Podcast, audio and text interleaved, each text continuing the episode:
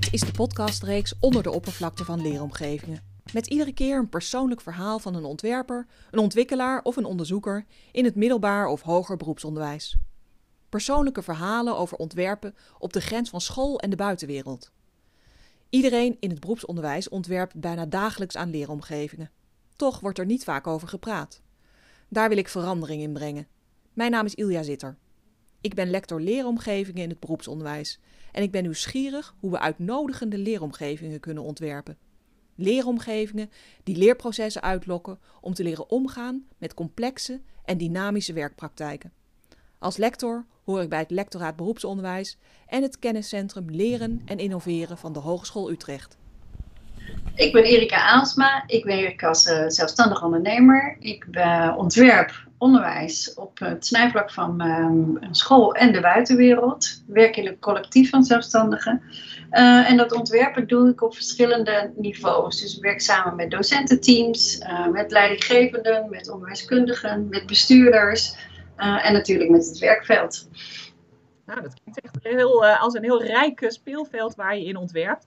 Nou, en, en, je bent natuurlijk ook echt nu uh, met dat speelveld in hele bijzondere tijden. Kan je misschien een beetje vertellen wat je ziet uh, uh, in deze tijden?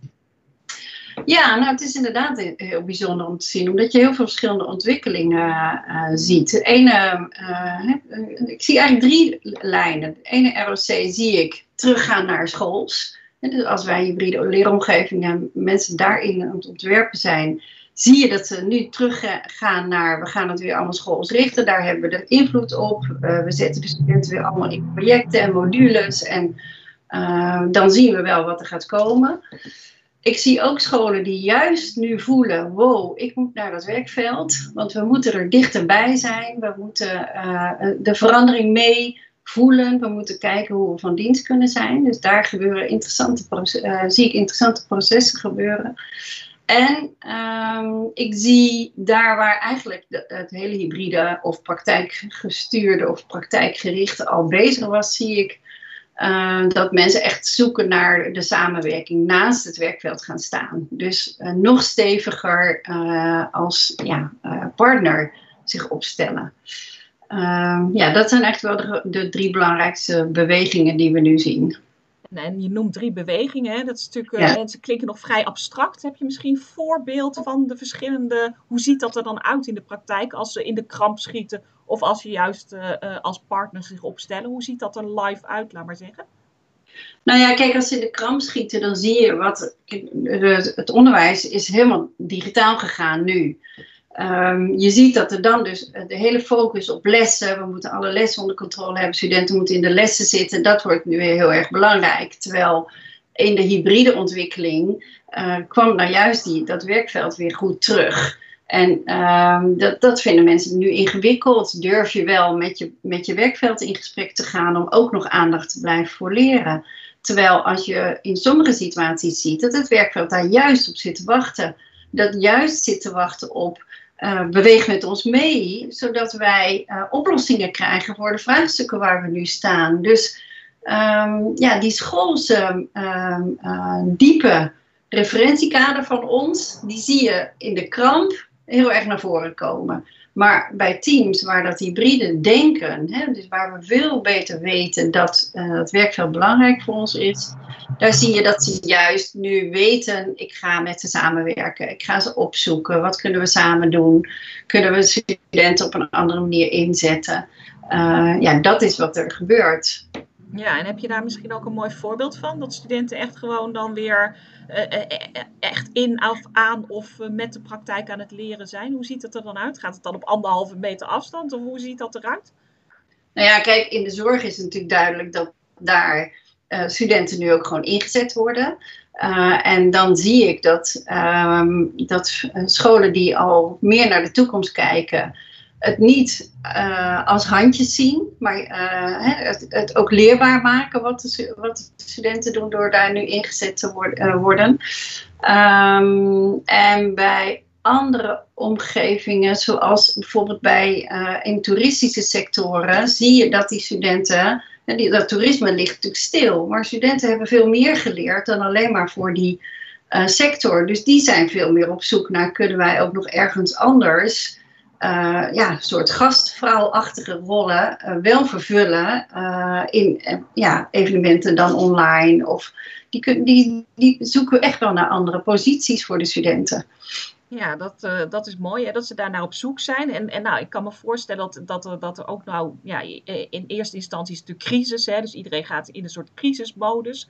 Maar langzaam zie je natuurlijk ook dat de blik weer wat verder naar voren gaat. Hè, dus naar de slimme doorstart en naar de tijd daarna.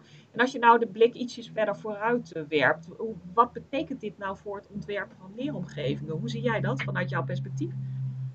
Nou, ik voor ons zien we dat uh, uh, scholen nu veel beter snappen en dat je dat ook veel duidelijker kunt maken. Dat wij niet alleen maar bezig zijn met studenten opleiden voor een diploma, maar dat uh, het gaat om beroepsbeoefenaren die in de maatschappij straks aan het werk moeten. Nou, die maatschappij is enorm aan het veranderen. Hè. We weten allemaal niet hoe het eruit ziet straks. Dus de vraagstukken die daar in diverse domeinen, hè, die we nu overal uh, op een andere manier zien, die worden veel belangrijker. En ik zie dat, uh, uh, nou, dat dat nu duidelijker aan te tonen is. Dus je kunt veel beter uitleggen van daar ligt ons vraagstuk. Als we nu een uh, iemand in de horeca opleiden um, voor uh, de, uh, de, zoals we ze nu kenden, tot nu toe kenden, dan doen we het straks niet meer goed. Want daar gaat ook iets veranderen. Dus die hele, al die creatieve bewegingen die je nu in de horeca ziet van. Um, hoe heet dat? Um, ophalen. Hè? Dus, dus, dat je het eten op kunt halen, het afgiften, thuis bezorgen. Al, al die dingen die we natuurlijk al wel kenden, maar nooit zo prominent waren daar gaan je studenten nu veel meer in meenemen, uh, zodat ze dat ook eh, in hun opleiding krijgen. Dus die vraagstukken die buiten de school liggen, die komen nu dichterbij. In ieder geval kan het beter uitleggen dat het nodig is dat je die kant op moet. Ja, maar, maar het klinkt, dat klinkt op zich heel logisch, hè? dat ik natuurlijk veel meer me op de buitenwereld richt en dat dat dichterbij komt. Maar ik kan toch niet zomaar mijn hele opleiding omgooien, want hoe werkt dat dan? hoe zou ik dan zomaar mijn opleiding kunnen omgooien? Wat voor soort ontwerp heb ik dan nodig?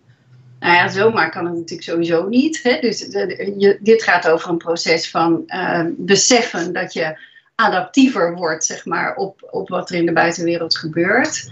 Uh, ja, hoe ziet dat eruit? Het, het, begint natuurlijk bij bewustzijn van docententeams die gaan snappen dat uh, ze daarnaar vooral moeten gaan kijken. Hè? En dat het daar dus gebeurt. Uh, dat dat beroep heel langzaam verandert, of misschien juist wel heel hard verandert nu, hè, zoals in de toeristische sector. Wat gebeurt er met al deze mensen? Um, en dat je daarnaar leert kijken, uh, dat proces wil je dus een docententeam in laten gaan. Nou, dat vraagt wel uh, van, om een visie dat dat ook kan. Dus dat, dat, dat een docententeam niet meer alleen maar kijkt naar een KD wat ze moeten halen, maar dat je ook zo'n KD Um, ja, eigenlijk, dat het eigenlijk een, een, document is wat jouw onderwijs ook flexibeler kan maken uiteindelijk. Ja, en, en, en dat zijn processen. Hè? Ik kan me voorstellen dat dat inderdaad uh, uh, wat verder weg in de tijd ligt. En zijn er dan ook dingen die je nu al kan doen om daar naartoe te bewegen?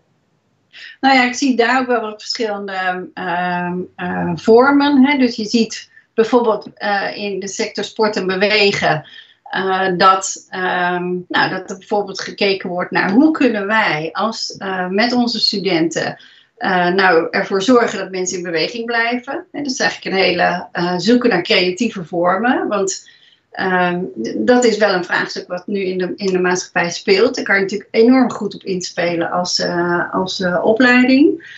Um, in welzijn bijvoorbeeld zie je dat uh, ze het nu niet meer weten. Hè? Het is een heel mooie beweging in, de welzijnssector, is dat ze al jaren bezig zijn om uh, mensen mee te laten praten en voor elkaar te laten zorgen. En nu gebeurt het ineens. Dus dan kun je je als beroepsgroep vragen van wat zijn wij nog wel nodig? Ja, natuurlijk zijn, zijn ze nog wel nodig in de toekomst, maar anders dan voorheen. Nou, daar zou je hè, meer in die flexibiliteit mee kunnen gaan. Dat studenten daar mee gaan denken van op welke manier kan jij dit dan ondersteunen en zorgen dat jij uh, in jouw nieuwe beroep straks, of in het beroep waar jij voor opgeleid wordt, daar die rol in gaat spelen. Um, en dan heb je er ook nog eentje die zegt, um, ja, we kunnen nu iets minder makkelijk die praktijk in.